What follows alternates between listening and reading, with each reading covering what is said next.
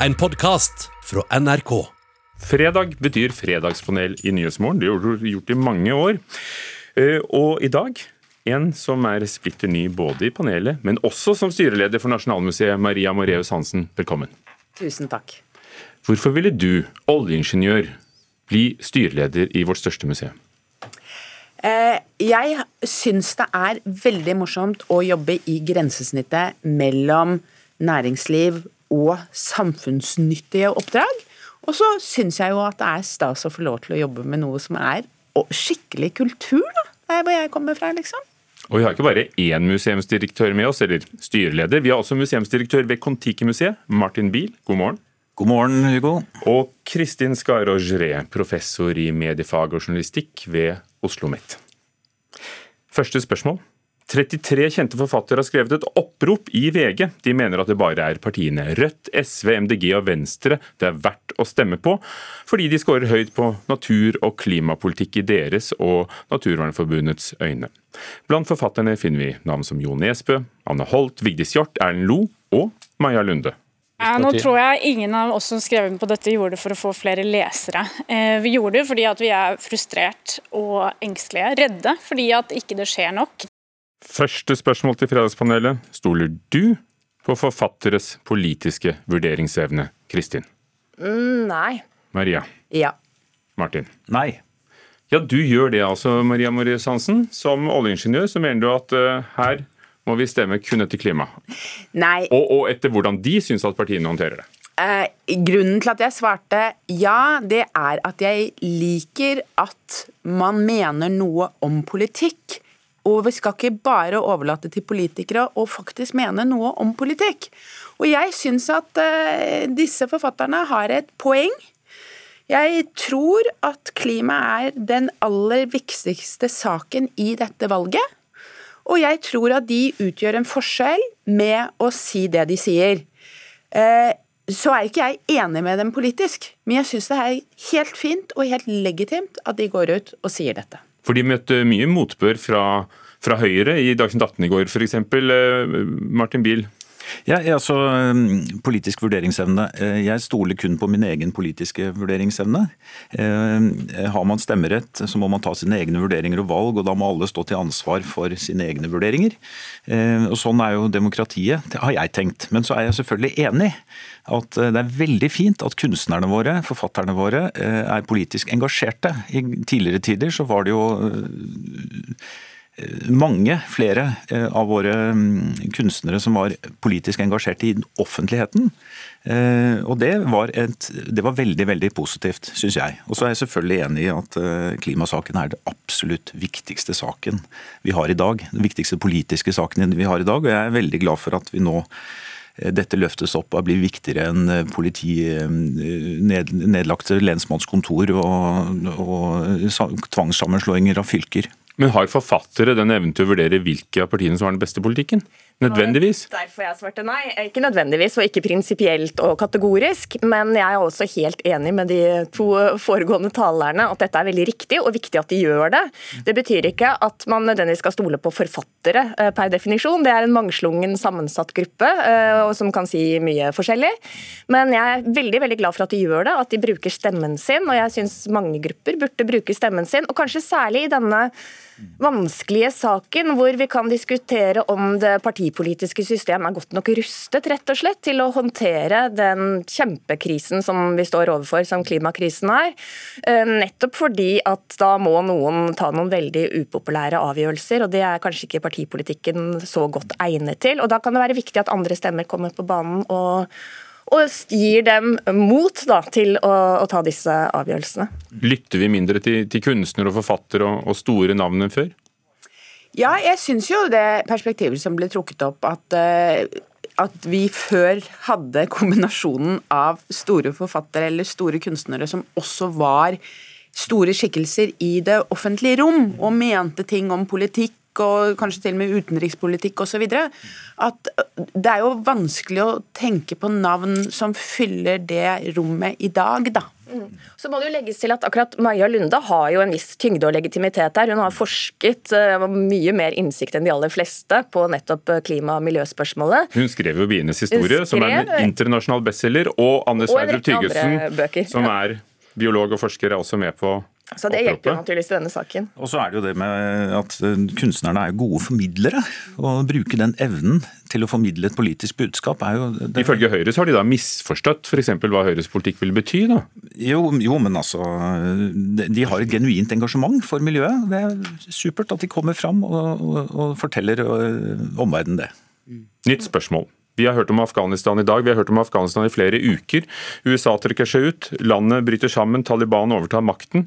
Og over hele verden så bekymrer arkeologer seg for hvordan det skal gå med de unike kulturskattene. For dette er et sted hvor Silkeveien gikk igjennom, og, og buddhismen og eh, islam og kristendommen, og alle har møttes, alle har lagt igjen spor. Hva vil skje nå? Sist Taliban ble satt ved makten, så sprengte de de, de 1600 år gamle statuene i Bamiyan-dalen. De raserte tusen tusenvis av gjenstander på Nasjonalmuseet i Kabul. De hadde flere uker langt raid. Nå sier de at de ikke skal gjøre det, men hvem vet? Eh, og samtidig, over hele verden, er det en bevegelse for å gi tilbake kulturskatter der de kom fra. Senest nå, for et døgn siden, så ble det gitt tilbake fra Japan noe som var noen flotte gylne porter som var blitt stjålet fra Kypros for, for mange år siden. I Berlin så gir de tilbake bronsestatuer til Benin, og grekerne vil jo ha tilbake Parthenon-prisen fra British Museum. Men når vi ser på det som skjer i Afghanistan med Taliban, er det et argument for at vestlige museer, uansett hvordan de fikk tak i det, bør holde på kulturskattene, selv om de kommer fra andre land? Kristin? Nei. Maria? Nei. Martin? Nei. Og hvorfor ikke?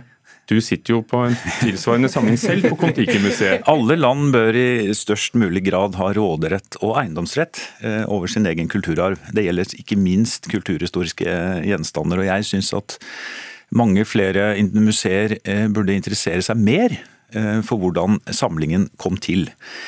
Ofte så kom den til i tider når maktbalansen var i ubalanse, for å si det på den måten, og at de store nasjonene hadde kolonier i fjerne land. Eh, og eh, jeg mener jo at eh, vi burde interessere oss mer for repatriering av gjenstander. Det handler jo dypest sett om respekt for andre kulturer.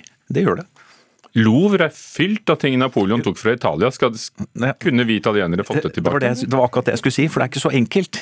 Fordi verdens mest berømte maleri er malt av en italiener og er i Frankrike.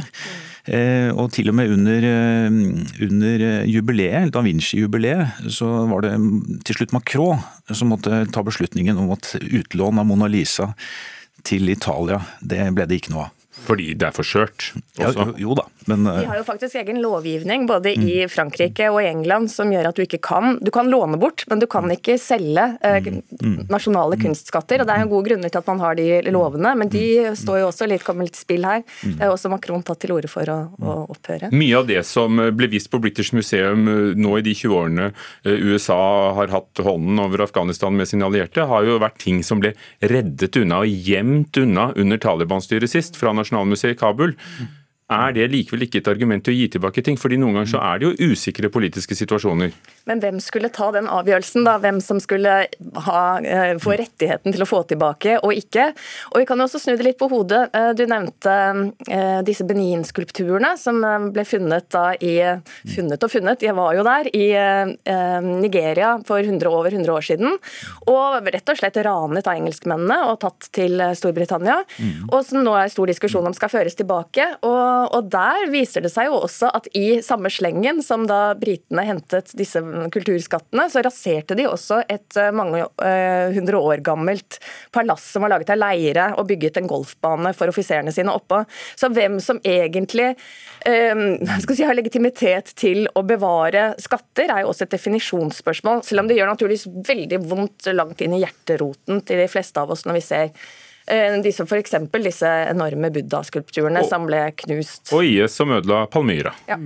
Maria Marie Hansen. Eh, altså, eh, akkurat nå i Afghanistan så ville jo jeg sagt at selvfølgelig skal man ikke returnere skatter. Altså det, er, det er jo en umulig situasjon.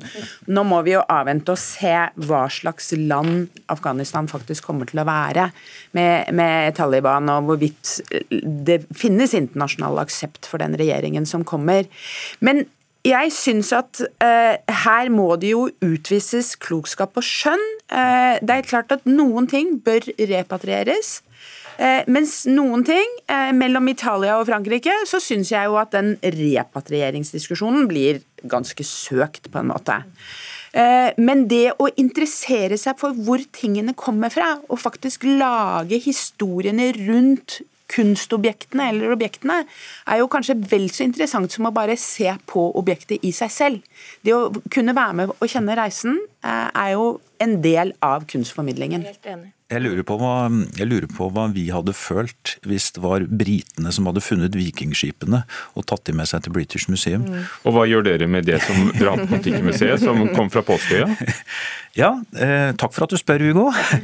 Vi, eh, Heyerdahl var jo på Påskeøya i 55-56 og eh, fikk tillatelse fra chilenske myndigheter til å ta med seg eh, et arkeologisk materiale tilbake til Oslo. Eh, og forske på det, publisere og ha det her. Og så lovet han å bringe det tilbake når, når han var ferdig med det. Nå er Tor Heyerdahl død. Nå har vi vært på Påskeøya. Eh, på Påskeøya så var det for noen år siden eh, et museum med taklekkasjer, med uavklarte eiendomsforhold og med dårlig økonomi. Men nå, de siste to årene, så har vi da klart å komme inn i et spor hvor de veldig gjerne vil ha tilbake samlingen fra Heyerdahl. Og det holder vi på nå. De skulle ha vært der i fjor. Så eh, kom koronaen, men nå skal vi bringe gjenstandene tilbake til Påskeøya og oppfylle Tor Heyerdahls ønske. Som Tor ville det. Mm. Valgkamp er det for tiden, og alle partilederne har sagt ja til å stille opp i NRKs nye serie Sjukt mange spørsmål, og blant spørsmålene de får er opera eller fotballkamp. Foran mål! Der er det skåring! Der er han! Fotballkamp eller operaen? Fotballkamp. Fotballkamp. Fotballkamp eller operaen?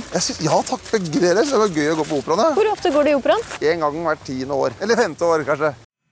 Det var bare Vedum som eh, svarte litt ja, i hvert fall begge deler. Eh, er norske politikers, politikeres største skrekk å fremstå som elitistiske? Nei. Ja. Ja. Og hvordan gir det seg utslag? Nå er det jo noe med hvordan vi bruker ordet elitistisk, da, for det er jo veldig ofte å se ned på andre. Altså se ned, på rakte det folkelige. Eh, men det gir seg utslag, nettopp som jeg syns dette er et veldig veldig godt eksempel, at ingen norske politikere tør å si at de liker opera bedre enn fotball om de så skulle gjøre det. Bortsett fra Vedum, som står så godt forplantet i sin folkelighet at han kan si i hvert fall begge deler. Ehm, at man vegrer seg for å framstå som eh, noen som er hevet over de andre, er jo egentlig en fin ting. Samtidig blir det litt rart hvis det å være opptatt av kunst og kultur skal være noe som man skammer seg over i redsel for å ikke være som folk flest. Ja, eh, jeg tror stort sett politikere er ganske ærlige. Eh, og jeg er veldig glad for at eh, Slagsvold Vedum er glad i opera. Og jeg tror elitisme ikke handler om operainteresse å gjøre i det hele tatt. Så det ligger noe, det ligger noe galt i, i, spørsmålsstillingen, tenker jeg da. Opera har da egentlig alltid vært en ganske folkelig ja. musikkform. Ja, så er det jo interessant at han svarer jo ikke at han er veldig glad i opera, han bare kunne tenke seg å gå på opera. Men jeg, altså hvis elitisme er det motsatte av folkelig, så tror jeg at denne valgkampen har jo vært øh, veldig øh, fokusert rundt det folkelige. Og det å fremstå som folkelig er veldig viktig. Hvis det da er motstykket av elitistisk, så er de redde for å være elitistiske. Den som kanskje har den vanskeligste rollen her, er jo Støre, og vi ser jo hvor lett han får tyn. F.eks. Uh, var det veldig mye oppmerksomhet rundt denne Jegermeister-flasken på det rotete kjøkkenet hans, som mange mente ikke var helt tilfeldig plassert der. Uh, og uh, også dette at han hadde en uttalelse om at tang hadde en smak av trøffel, og, og at det er noe I hvert fall hvis du sammenligner med andre europeiske land, hvor ofte politikere gjerne vil framstå som litt snobbete, eller eh, det man ofte da eh, tenker er elitistisk eller elitepreget, så har vi lite av det i Norge. Så tror jeg, jeg er helt enig, jeg tror at de svarer sant. Så jeg tror rett og slett at de ikke går på opera. Men liker de fotball? Ja, kanskje. Men uh, Odd Nerdrum sa jo en gang i tiden at Norge er ikke noen kulturnasjon, men en idrettsnasjon. Men jeg tror han tar feil. Eh, Det er, jo, det er jo mange flere som går på museer enn som går på fotballkamper, f.eks. Tenk det. Takk skal dere ha, Fredagspanel. Det forstås som eh, punchline. Martin Bill, direktør ved Kon-Tiki-museet. Maria Mareus Hansen, ny styreleder ved Nasjonalmuseet. Og Kristin Skare Orgeré, medieprofessor. Du har hørt en podkast fra NRK. Hør flere podkaster og din favorittkanal i appen NRK Radio.